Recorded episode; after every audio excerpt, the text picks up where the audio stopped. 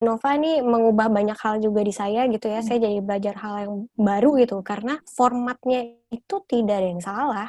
Tinggal gimana cara kita deliver pesannya aja. Hmm. Itu yang akan uh, cemented our position gitu. Mau itu majalah, mau itu tabloid, atau mau online, apa pun itu. Toh, meskipun dia tabloid, beritanya nggak murah juga. Halo semua, kita ketemu lagi di PR Talk by We Are PR. Menjadi media yang kredibel membutuhkan proses dan waktu yang cukup lama. Seperti media ini, dengan slogannya "Siapa bilang wanita tidak butuh berita", berhasil membangun kredibilitas dan memenangkan hati banyak perempuan. Bagaimana perkembangannya saat ini dan strategi apa saja yang dilakukan? Yuk langsung aja kita dengerin podcastnya bersama Adityo sebagai host dari We Are PR Agency. YouTube, hello podcast, hello Instagram, dan last but not least, hi Facebook.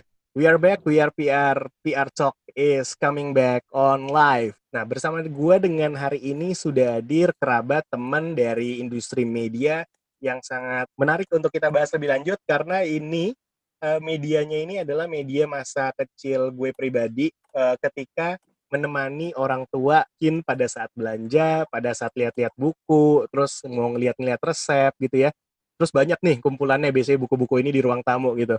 Nah itu gue sering banget nih baca ini. Bahkan kalau gue ingat dan gue nggak salah ingat, zaman waktu gue kecil itu yang gue lihat bukan hanya resep aja tapi lamaran horoskopnya itu biasanya ada di belakang tuh gila ya anak kecil usia di bawah lima tahun diracunin sama hal-hal horoskop gitu But anyway, ini adalah sebuah masa-masa di mana gue sangat mencintai dunia itu. Baca majalah adalah salah satu uh, pengalaman menarik pada saat kita yang umurnya generasi 90-an dan mungkin ini menjadi heritage dan pop culture buat kita semua dan tentunya senang bisa kehadiran tamu dari Nova. Uh, dulu mungkin dikenalnya adalah tabloid Nova. Kalau buat uh, ibu-ibu, bapak-bapak pasti tahu tuh. Biasanya sering cari resep makanan atau artikel-artikel tentang kehidupan, kehidupan sosial, baik keluarga dan lain sebagainya dalam tabloid tersebut. Nah, uh, hari ini kita kehadiran tamu yang sangat luar biasa dan ternyata kita, gua pribadi pernah berkoneksi dengan dia nih di LinkedIn, platform LinkedIn. Tapi ternyata kita baru dengarnya tadi pagi nih Mas briefing. Nah ini adalah Mbak Indi panggilannya, Indi Radian Saraswati, Editor in Chief at Nova. Yuk, mendingan kita sapa dulu deh. Halo Mbak Indi. Semangat pagi. Halo Mas Tio. Selamat pagi. Halo Bu Ella. Halo pagi. pagi Mbak Indi. Ya, nanti Mbak Indi akan menceritakan lebih lanjut tentang apa sih uh, profesinya di Nova dan bagaimana Nova ini positioningnya sekarang. But let me tell you something about Mbak Indi first. Memang ini sudah lama sekali ada di industri media. Awal mula karir sebagai reporter ya, karena Betul. aku hmm, sebagai reporter makanya tadi Mbak Indi bilang saya ini orangnya lebih banyak bertanya, mendengar dibanding berbicara.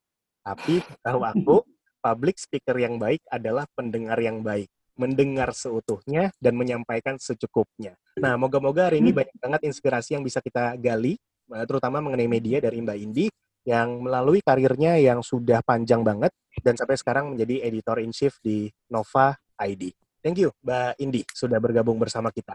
Iya, terima kasih juga buat waktunya, undangannya, Mas. Siap. Nah, bersama gue dengan pagi ini juga telah hadir salah satu ibu yang sangat penting di kita panggilnya Mami Ella dan mungkin Mami Ella hmm. juga uh, konsumen dari tabloid Nova waktu Oh, udah pasti. So, uh, nanti akan banyak pertanyaan dari Mami uh, kita sama-sama nanya pada intinya kita sama-sama diskusi, hmm. kita sama-sama ngobrol, kita pengen cari tahu dan merefresh kembali uh, tentang apa sih yang dilakukan oleh Nova, tabloid Nova dulunya sampai sekarang ada di Nova ID dan mungkin teman-teman yang sekarang masih uh, belajar di industri tersebut, di industri PR, media, jurnalisme yang mungkin pendengar kita kan umum ya, ada yang dari kalangan mahasiswa, ada yang dari kalangan bisnis, ada yang dari marketing, markom atau mungkin juga ada teman-teman jurnalis. Nah, di sini teman-teman bisa cari tahu update tentang positioning Nova ID dan juga apa saja yang akan dilakukan ke depannya. Nah, Supaya nggak berlama-lama lagi, kita langsung aja mulai dengan beberapa pertanyaan dan diskusi yang memang pengen kita gali lebih lanjut bersama dengan Mbak Iti. Uh, aku izin tanya dulu, Mamiela, nanti mungkin ya, kami follow up dengan pertanyaan berikutnya. Nah, tadi kan aku sempat cerita, aku tuh tahu Nova itu dari pengalaman masa kecil, Mbak. waktu temenin mama ke pasar, temenin mama ke Gramedia, nyari-nyari resep makanan, terus akhirnya dibeli tuh tabloidnya. Aku tahu sebatas itu. Bahkan yang aku konsumsi pada masa itu, itu adalah horoskopnya. Anak kecil diracunin sama ramalan. Tapi beberapa benar sih. Nah, kira-kira uh, untuk saat ini seperti apa sih uh, Nova itu sendiri secara media dan bagaimana perkembangannya dari dulu sampai sekarang untuk merefresh kembali nih kenangan aku di masa kecil. Silakan Mbak Indi. Merefresh kembali, oke. Berarti kita refresh juga dari kenangannya Mas Tio tuh waktu masih kecil. Uh, jadi tabloid Nova ya. Orang kalau tahu Nova, yang mereka tahu itu adalah tabloid Nova. Dan memang tuh sih uh, itu juga apa ya media yang ada waktu saya masih kecil. Jadi dia dia tuh terbit tahun 88. Ya, masa-masa kita dulu udah nonton Doraemon, kayaknya dia setahun lebih cepat tuh udah keluar uh, tabloid Nova. Dulu itu tabloid Nova tuh disebutnya mingguan berita wanita. Pas saya tahu gitu ya, ternyata keren juga ya, karena di masa itu media berita ya Kompas. Sehingga ketika ada yang disebut mingguan berita wanita, yang khusus buat uh, perempuan, sebetulnya di masa itu Nova jadi sesuatu yang cukup uh, groundbreaking lah gitu. Slogannya aja waktu itu, siapa bilang wanita tak butuh berita. Nice. Tapi itu 32 tahun lalu. Nah, sejak 2001 sebetulnya Nova itu udah masuk dunia digital. Jadi dia punya uh, di zaman masa itu dia punya webpage lah namanya www.tabloidnova.com. Wajib tuh zaman dulu kan di, disebut tuh www-nya. Lalu si tabloidnova.com ini reborn lah di 2008. Uh, eh, desainnya berbeda, uh, lalu isinya juga agak sedikit diatur ulang Uh, sehingga di 2017 tabloidnova.com itu uh, berubah juga namanya jadi nova.id sampai sekarang. Nah, semangatnya itu sih sebetulnya mendukung perempuan Indonesia untuk berani dan mandiri. Intinya sebetulnya itu. Bentuknya itu ya memang lewat tabloid Nova, lewat Nova ID, lewat media sosial, uh, komunitas sahabat Nova, sampai ya lewat semua aktivitas yang lagi kita jalankan sekarang ya di masa pandemi digital activity kan it's the only only thing that we can do. Mm-hmm. Jadi akhirnya sekarang kita lagi aktif banget di digital activity. Sering lihat ya dan hmm. kecenderungannya semua media mungkin ya kalau dari kacamata aku sih pada hmm. live streaming ya mau di platform Instagram, uh, ya. mau di yeah. YouTube, yeah. mau di Facebook ya kita. Walaupun kita kan sebenarnya not literally as a media secara perusahaan media, tapi kan apa yang kita lakukan memberitakan, menceritakan informasi yang penting diketahui oleh segmen kami gitu. Ya, betul. Kira-kira hmm. kalau misalkan aku boleh follow up questions lagi dari tahun 2000 kan berarti kita mulai transisi ya, kurang lebih 2000-an tuh mulai transisi um, ke digital, akhirnya bertransformasi secara mungkin sekarang udah sepenuhnya ya dengan Nova ID ke digital. Jadi memang cetaknya itu ada bagi kami untuk uh, mempertahankan kredibilitas brandnya karena um, di masa sekarang kan media online memang banyak ya, tapi media online yang masih punya support full credibility dari printnya itu kan sedihnya adalah semakin sedikit. Ya, ya. Jadi ya. kalau kami di Nova uh, kita berusaha untuk sebisa mungkin mempertahankan credibility print itu gitu. Mempertahankan kredibilitas karena memang Nova awalnya adalah tabloid cetak. Betul. Dan industri yang berkembang di digital itu hanya sebagai atau bukan hanya sebagai ya, adalah tanda di mana Nova terus bisa bertransformasi dan menyesuaikan perkembangan zaman. Tidak iya, wajib. yes, wajib dan tidak melupakan awal mula titik di mana Nova itu hadir di industri. Khususnya tadi yang sempat Mbak Indi bilang, yang aku juga setuju, siapa bilang sih wanita nggak butuh berita dan wanita itu harus berani dan mandiri. Itu setuju. Ya. Karena saya punya istri, uh, saya juga punya ibu, saya punya istri, dan aku pun ke istri aku selalu bilang gitu, kamu harus berani, kamu harus mandiri. Walaupun punya suami yang masih digaji orang, tapi nggak berarti terusan minta duit. Ternyata di situ ujungnya. Tapi itu betul sih mas, betul. Maksudnya hmm. seneng lah kalau misalnya ada lebih banyak laki-laki, lebih banyak pasangan ya yang encourage uh, pasangannya atau istrinya memang untuk ya kamu harus berani, kamu harus mandiri gitu. Berarti aku apa pun dong, suami ideal. Apa pun ekornya. Oh iya iya, apa pun ekornya ya Mas, yang penting depannya oke okay, tuh. uh, ya, selayaknya kita yang generasi 90-an ya sebelum Nova udah ada Doraemon duluan kan ya. Kita juga suka dan punya hobi-hobi kayak gitu kayak sekarang nih saya masih ngumpulin Hot Wheels tuh. Oh, saya juga ada Mas Hot Wheels. nah, yuk kita balik lagi ke uh, diskusi kita. Uh, menarik ya menjadi wanita yang berani, menjadi wanita yang yang uh, mandiri, mandiri, berani dan tentunya perlu perlu mendapatkan informasi yang kredibel dong, yang trustable dong jangan sampai kita berani dan mandiri tapi tidak ada dasarnya nih ujung-ujungnya ya. Ah, ya itu betul. Iya. juga. Karena kan itu tuh eh, apa namanya Nova tuh kan memang uh, di tahun 90-an lah ya kalau nggak salah itu. Berarti kan Nova lahir aku udah lulus SMA nih ya, ketahuan tuanya nih gue.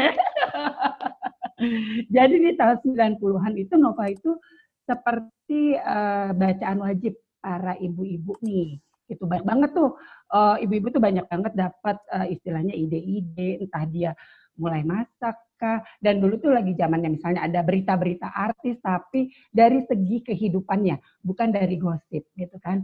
Jadi banyak banget ibu-ibu yang seneng banget dan wajib beli Nova. Dan aku tahu banget di rumahku juga memang kita dulu dulu langganan Nova gitu. Karena uh, nyokap juga suka uh, lihat tuh berita-berita apa sih gitu ya. Karena nggak banyak dulu uh, apa namanya tabloid hanya beberapa lah ya tabloid yang uh, tentang wanita.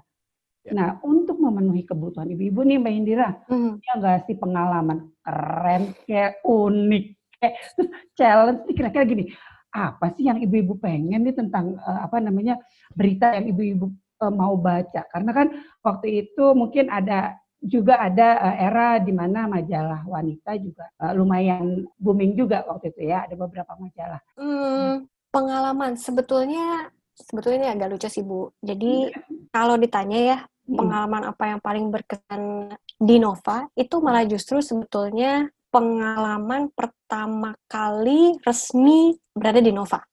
Hmm gitu sebetulnya uh, itu yang paling uh, mungkin akhirnya itu yang paling challenging so far sampai sekarang karena saya masuk itu pertengahan 2017. Jadi di masa itu adalah ada angin perubahan, ada angin percepatan hmm. uh, di industri media, sehingga di saat itu ada masanya uh, saya itu harus menggarap tabloid Nova uh, dengan tujuh orang teman. Jadi sama saya tuh delapan. Okay. Kita belum pernah produksi tabloid Nova sama sekali. Udah tuh ya, hmm. tuh udah kayak jeng jeng, hmm. oh oh.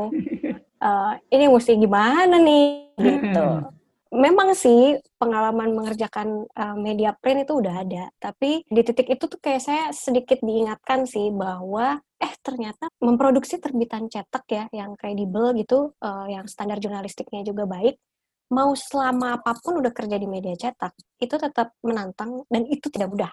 Hmm. Tapi itu uh, mungkin dan itu bisa dilakukan. Hmm. Jadi dengan bekal kayak gitu, uh, kami berdelapan mau nggak mau dia harus terbit Hmm. Kan gitu ya. Kalau yeah. di media tuh gitu. Kalau apalagi dicetak. Uh, mau nggak mau, di jam dia harus turun cetak, ya dia harus terbit. Nggak bisa terlambat. Sehingga, oke, okay, uh, long story short, akhirnya uh, kita berhasil mengeluarkan, uh, berhasil menerbitkan, uh, minggu demi minggu tetap keluar sampai sekarang. Hmm. Lalu gimana caranya akhirnya, um, kalau buat saya pribadi, tahu kebutuhannya perempuan Indonesia itu kayak apa saya masuk langsung ke komunitasnya sahabat Nova sih sebetulnya. Jadi saya dive in langsung ke situ. Nova itu punya sekumpulan perempuan uh, hebat lah ya, namanya Perempuan Inspiratif Nova. Jadi hmm. dulu tuh bentuknya awarding gitu Bu. Hmm. Lalu ada uh, sekumpulan ibu-ibu hebat ini, perempuan-perempuan hebat. Mereka kebetulan mau buat reuni waktu itu. Itu masih 2017 juga. Saya baru sebulan gitu kayaknya. Mereka mau bikin reuni, udah saya langsung ikutan aja. Uh, belum kenal gitu ya. Um, usianya juga variatif gitu kan. Terus mereka datang hmm. dari berbagai daerah juga uh, reuni di Solo. Udah saya ikutan aja. Kenalan mulai dari awal gitu. Hmm. tanya ini itu mulai dari awal. Um, judulnya pemimpin redaksi Nova tapi di saat itu saya tahu nol soal Nova. Jadi saya harus uh, belajar ulang lagi, get to know the audience-nya lagi, benar-benar tanya detail, lihat mereka tuh sehari-hari kayak gimana, arisan kayak gimana, ngobrolnya kayak apa, pakai baju apa, yang diomongin apa sih gitu.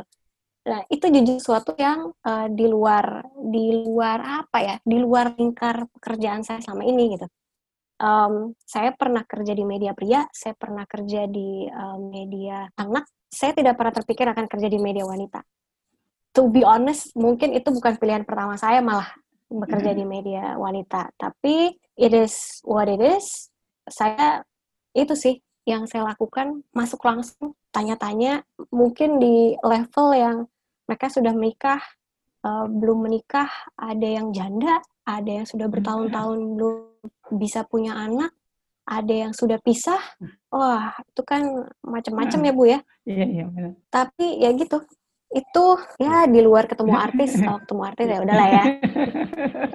ya pekerjaan media mah udah pasti ketemu public figure udah pasti hmm. ketemu. Tapi yang ketemu audiens langsung kayak gitu itu itu mind blowing sih buat saya. Menantang banget ya apa yang dibicarakan gitu ya. Apalagi kita nggak pernah tahu, maksudnya background mereka juga yang kita nggak tahu kan. Gitu. Jadi memang luar biasa kan ya Mbak Mbak India. Ya? Iya. Sebenarnya uh, apa yang aku paham atau aku tahu ya Mia uh, Mbak India hmm. mungkin kalau boleh sharing juga pengalaman dan rasa gitu. Dunia hmm. media ini kayak apa ya? Kalau aku kan lulusannya marketing.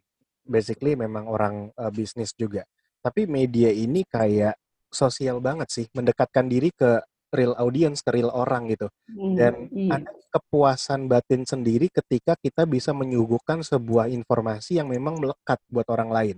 Apa pun informasi itu, mau itu politik, mau itu kehidupan, mau itu dalam hal investasi dan lain sebagainya, ketika itu melekat dan bisa mencantol ke kepala orang, dijadikan bahan belajar mereka, bahan pengembangan diri mereka, itu rasanya ada kepuasan tersendiri gitu. Walaupun mungkin tulisan kita hanya satu lembar artikel, tapi itu diingat terus terus terus sampai dengan hari ini gitu. Jadi seperti itu ya aku ngelihatnya ya. Mencari dari mm-hmm. dari lapangan mm-hmm.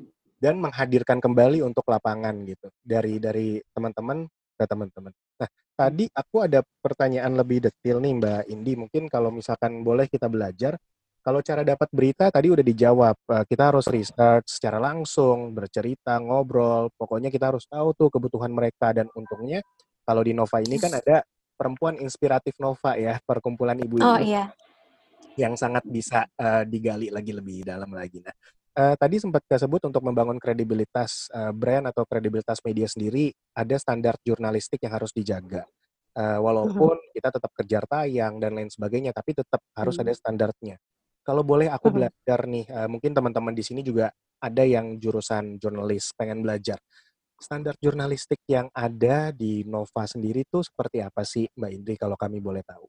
Kalau teman-teman yang belajar jurnalistik itu kan tahu uh, namanya sembilan elemen jurnalisme. Uh, dari mulai uh, check and recheck, proximity, um, lalu harus selalu balance, cover both sides, semua itu kami jalankan. Tapi memang yang akhirnya sedikit berbeda dari Nova itu adalah sebisa mungkin memang kami pro perempuan gitu, Mas. Kalau soal itu memang uh, kami belum bisa bilang bahwa um, kami udah melakukan itu 100% sesempurna mungkin gitu ya. ya. Karena itu ongoing proses juga gitu bagi kami. Kadang kan ada peristiwa di luar yang itu tidak pernah terjadi gitu ya sebelumnya.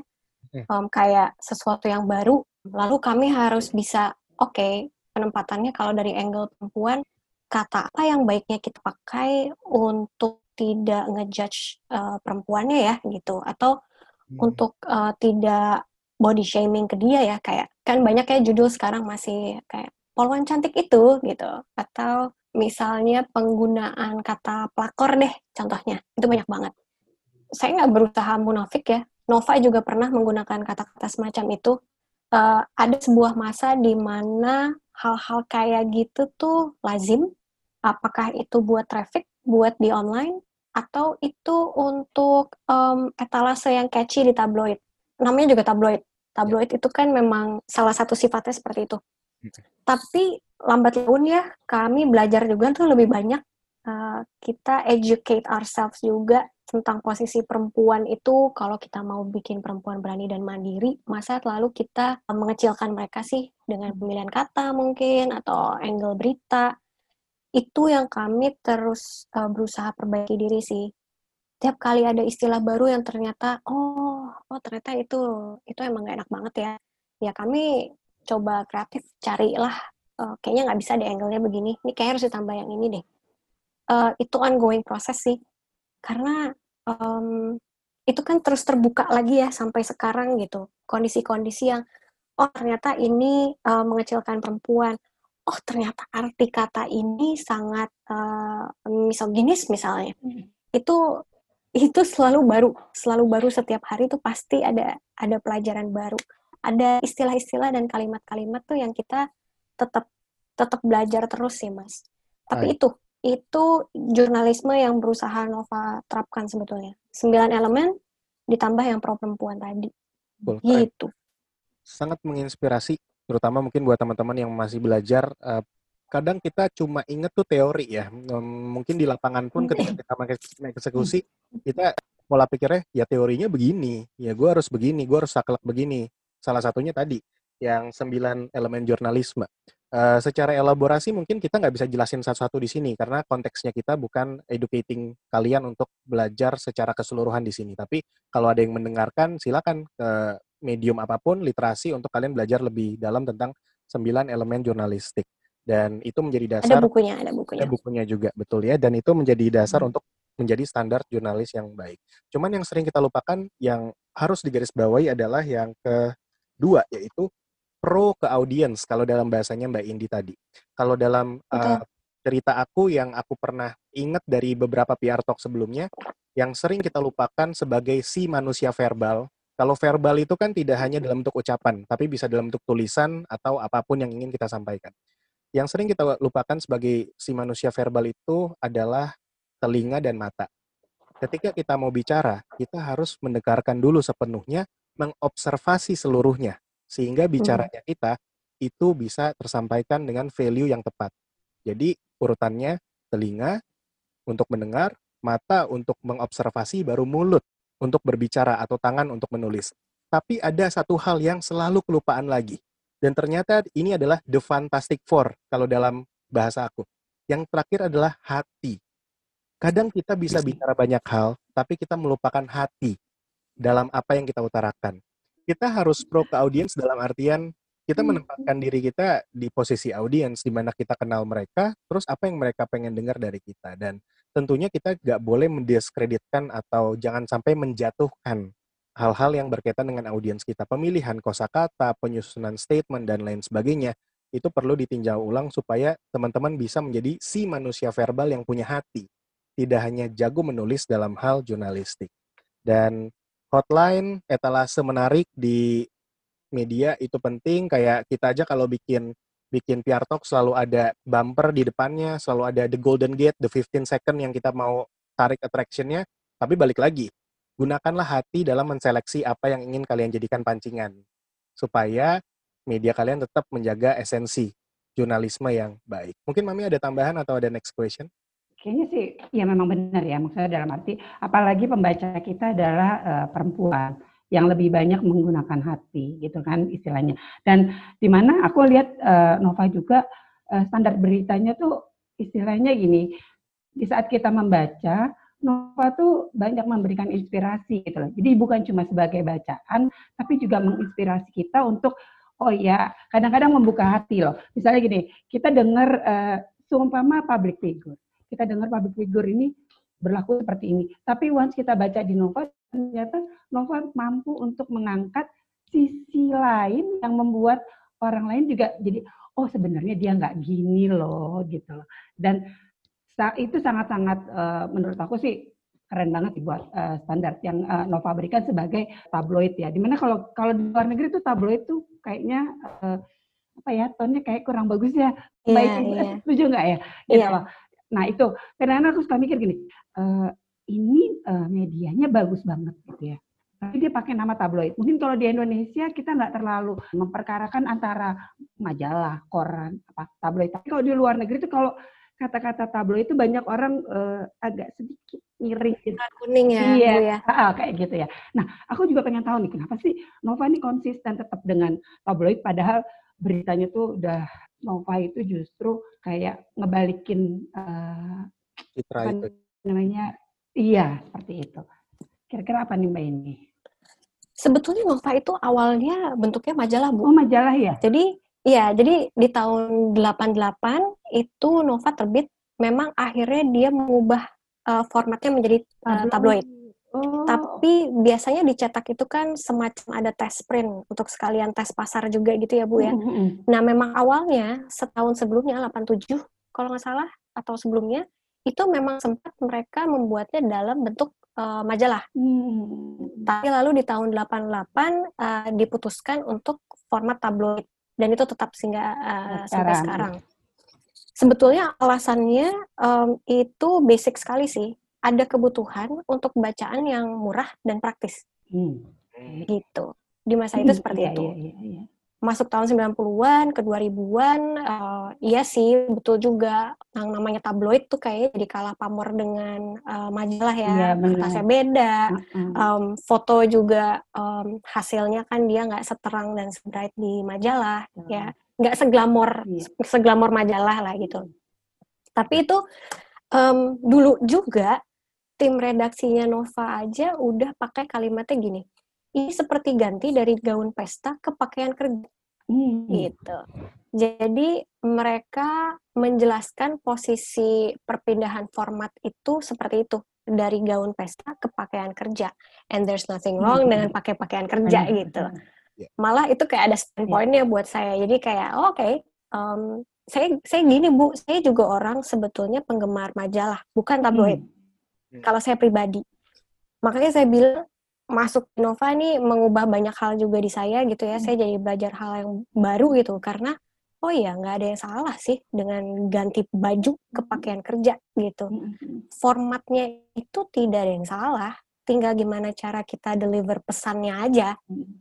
Itu yang akan uh, cemented our position gitu. Mau itu majalah, mau itu tabloid, atau mau online, apa pun itu.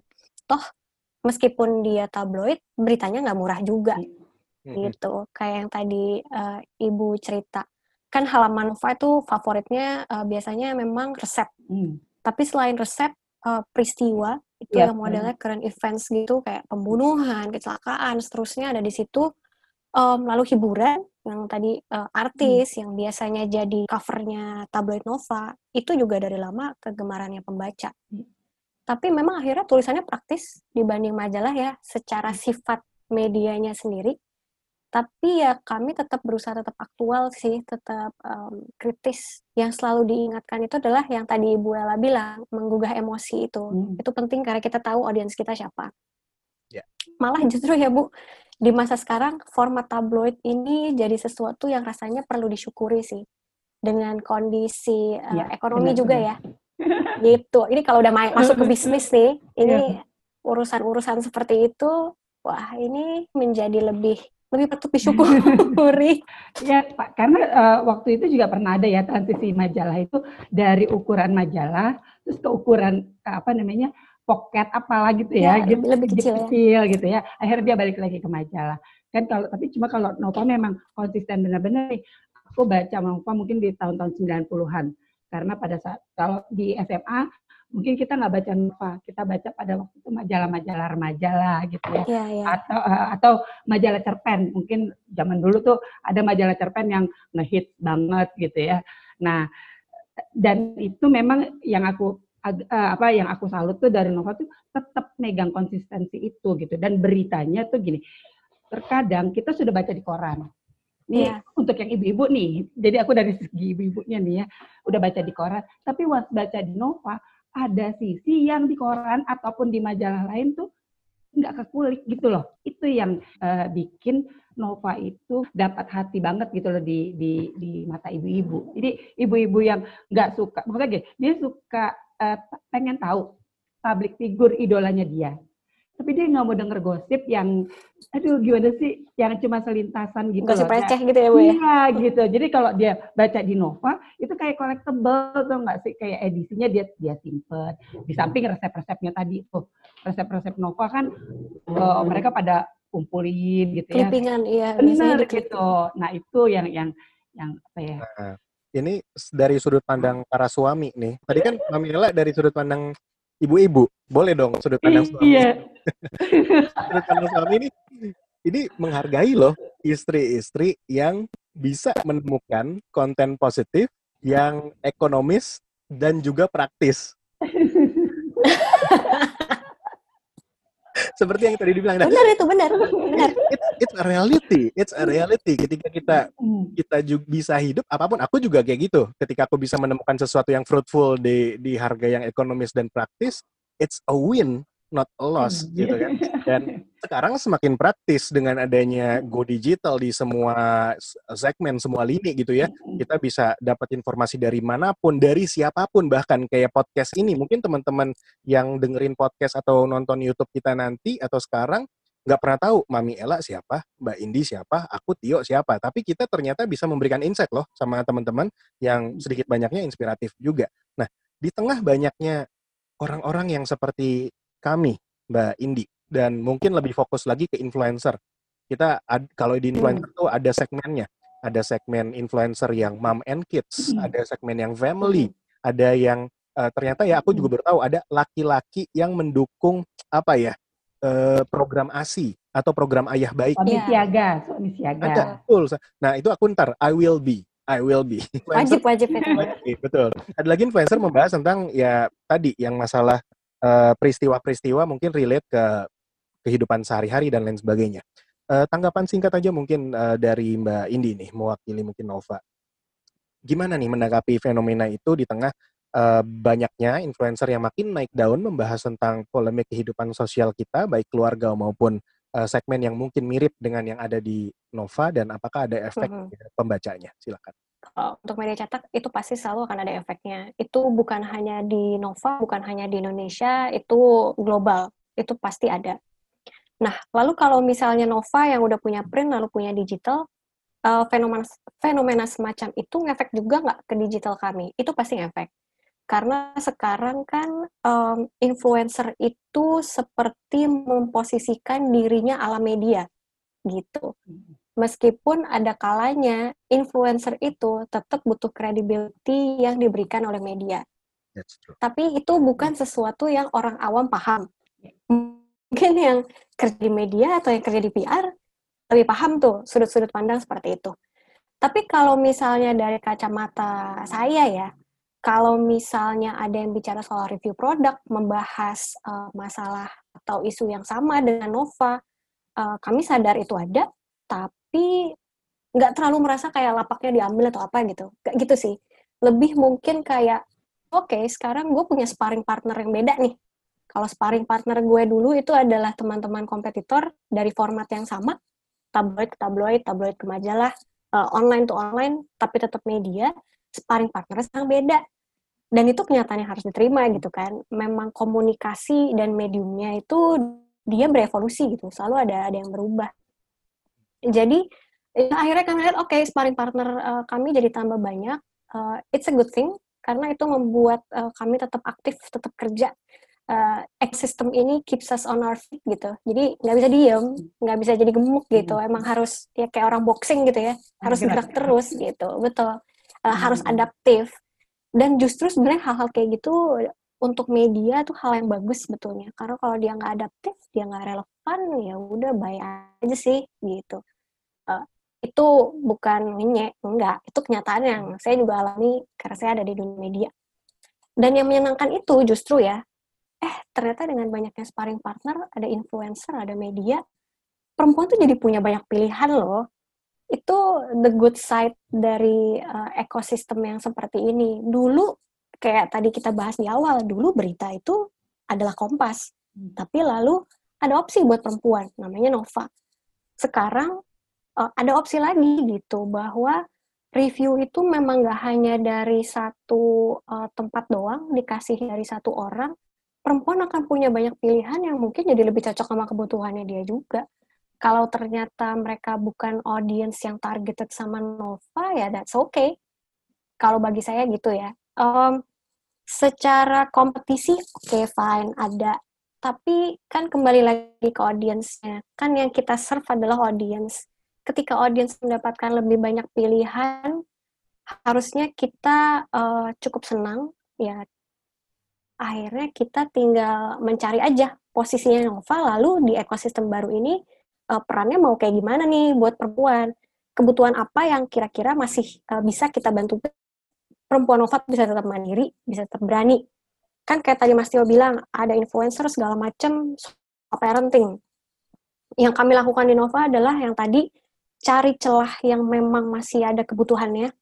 Saya rasa itu dilakukan oleh banyak uh, banyak media, banyak bisnis. Kalau Nova akhirnya kita fokusnya ke keuangan, kesehatan, keluarga dan semua uh, campurannya, khususnya keuangan akhirnya sekarang. Karena uh, kami melihat yang membahas keuangan itu khusus untuk perempuan belum banyak. Itu makanya literasi keuangan perempuan itu masih lebih rendah jauh daripada laki-laki. Sedangkan di masa kayak sekarang, seperti tadi Mas Tio bilang, yang namanya prinsip ekonomi di masa pandemi itu penting banget. Dan perempuan harus tahu, karena dia jadi Menteri Keuangan Keluarga. Ya kami bersyukur sih jadinya ke, kami dapat campaign namanya Pintar Atur Uang, itu menjadi relevan buat audience, buat perempuan.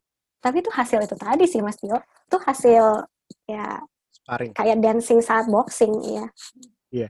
Nah ini mindset yang aku senang um, dalam hal competition ya. Mungkin kalau misalkan aku bisa elaborasi dari segi bisnis, uh, kadang kita terkotak-kotakan dengan bahasa competition itu adalah saling bersaing. Tapi sebenarnya yeah. dalam satu sisi, dalam satu sisi, competition itu stratanya luas banget. Kalau yang baca bukunya Philip Kotler, uh, Business Principle atau Marketing Principle, yeah. competition itu, if I'm not mistaken, itu dibagi menjadi empat tier atau empat empat uh, piramida uh, berbeda-beda. Yang kerucutnya paling kecil di atas itu direct competition. Kompetisi dengan orang atau dengan produk yang exactly the same uh, audience-nya, the same segmennya, the same produknya hampir sama. Bahkan sama McD dan Burger King atau KFC dan lain sebagainya. That's that's a head to head. Head to head. Tapi ketika head to head competition pun mereka masih oke-oke aja kok bisa saling bersaing dan bisa saling termotivasi. Kalau di sepak bola mungkin kita juga kenal ya dengan antar klub ya, klub satu dengan klub lain. Ada indirect competition. Indirect competition contohnya seperti satu brand dengan brand lain tapi produk lainnya beda. Misalkan Aqua dengan Coca-Cola sama-sama produk hmm. minuman yang dibutuhkan sama orang karena orang pasti haus, tapi jenisnya beda. Lalu ada lagi kompetisi yang lain yang lebih indirect lagi, yang lebih luas lagi atau lebih holistik lagi. Misalkan dalam hal uh, pembelian majalah dengan pembelian makanan. Itu totally totally different. Beli majalah sama beli makanan. Ibarat kata gini, gue bisa ngeluarin duit buat beli 30 ribu buku dan gue bisa beli duit buat beli 30 ribu paket, paket panas McDonald Terus kebutuhannya ya, apa? Saya butuh edukasi, tapi saya juga butuh makan. Itu lebih holistik lagi. Jadi hmm. uh, balik lagi, kompetisi itu jangan hanya dikotakkan dalam konteks kita harus terus bersaing. Tapi gue sangat setuju dengan growth mindset yang diberikan oleh Mbak Indi bahwa competition it's like a sparring partner. Di mana pun dan dengan siapa pun fase kalian berkompetisi, mau itu head to head, direct, indirect, tetap anggap kompetitor kalian tuh as a sparring partner karena pada satu titik dan pada satu masa dengan kompetisi yang baik, dengan positif engagement, kalian akan sama-sama maju. Teman-teman nggak akan bisa jadi orang sukses kalau tidak pernah mendapatkan hambatan dan tantangan. Kalau hidupnya B aja, kalau bahasa anak muda sekarang ya, lu kalau hidupnya B aja, lu nggak pernah punya sparring partner, ya udah, result tuh B aja. Tapi ketika kita punya sparring partner, kita bisa kerja bareng, dan mungkin kita bisa berkolaborasi bareng, itu akan menambah kualitas dari apa yang akan kalian achieve di masa depan. So, yang kedua adalah gue menarik garis dari influencer sendiri yang tadi sempat dibicarakan sama Mbak Indi kalau kadang memposisikan influencer kan sebagai media ya, sebagai jurnalis ya. Mungkin dulu ada istilah jurnalis publik. Tapi balik lagi influencer itu sebenarnya butuh berita yang kredibel. Truth itu adalah kenyataan dalam lapangan di mana influencer nggak tiba-tiba dong dapat berita sendiri gitu nggak seperti jurnalis yang tip apa ya cari terus beritanya kadang ada juga kok beberapa influencer yang mungkin bahasannya bahasan yang sangat esensial banget ya kayak finance dan lain sebagainya. Dia baca dulu kok dia browsing dulu kok dari mana dari artikel dari majalah atau dari literasi. That's why kenapa industri ini hmm. masih dibutuhkan majalah tabloid literasi buku. Industri ini tetap dibutuhkan dalam bentuk apa pun cetak digital dan lain sebagainya. Kenapa? Karena pada akhirnya teman-teman influencer harus berbuka hati dan sadar diri bahwa kalian tetap membutuhkan ulasan yang kredibel.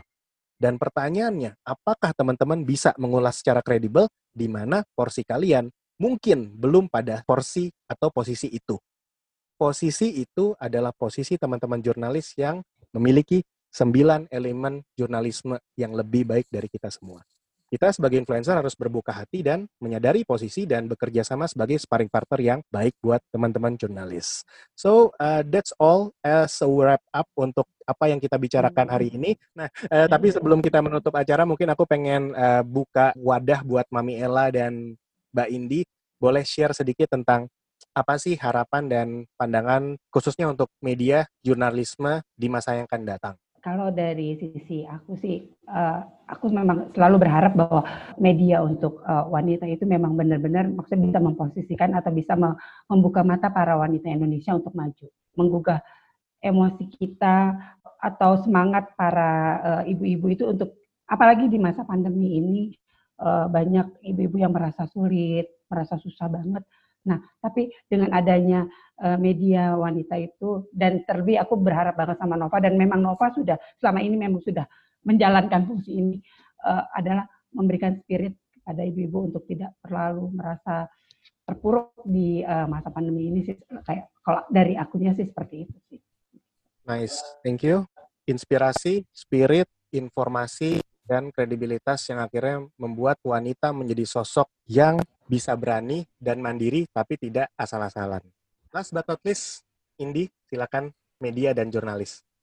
Harapan saya itu bahwa memang uh, dunia media dan jurnalisme yang kami jalankan itu kembali inspiratif seperti track yang seharusnya memberitakan kebenaran, memberitakan sesuatu dengan straightforward, um, tapi tetap beri harapan gitu, tetap menginspirasi bahwa segala sesuatu itu bisa jadi lebih baik.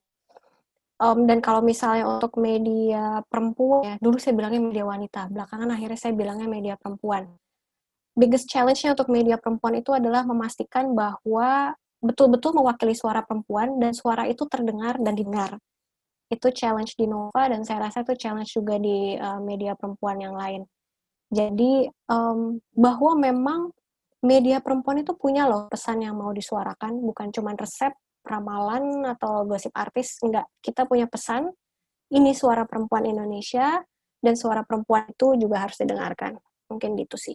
Nice. Berbicara, menulis, bukan hanya dengan tangan, mulut, tapi kalian gunakan telinga dan mata untuk mendengar seutuhnya, mengobservasi sepenuhnya tapi jangan tinggalkan hati. Porsi hati dibesarkan dalam hasil karya apa pun, baik dalam bentuk suara, tulisan, atau ilustrasi.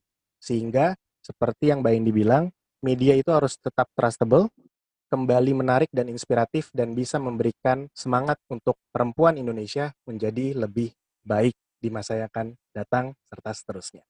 So thank you untuk diskusi siang ini. Ini sangat inspiratif banget. Thank you banget Mbak Indi dari Nova dan Mami Ella dari WRPR. So we close discussion for today. Nova, si manusia verbal. Terima kasih. Dadah. Thank you. Dadah.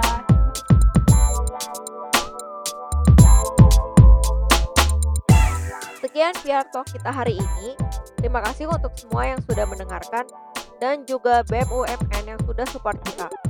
Jangan lupa subscribe dan komen konten kita, serta follow Instagram at Network. Sampai ketemu di PR Talk selanjutnya. Bye-bye.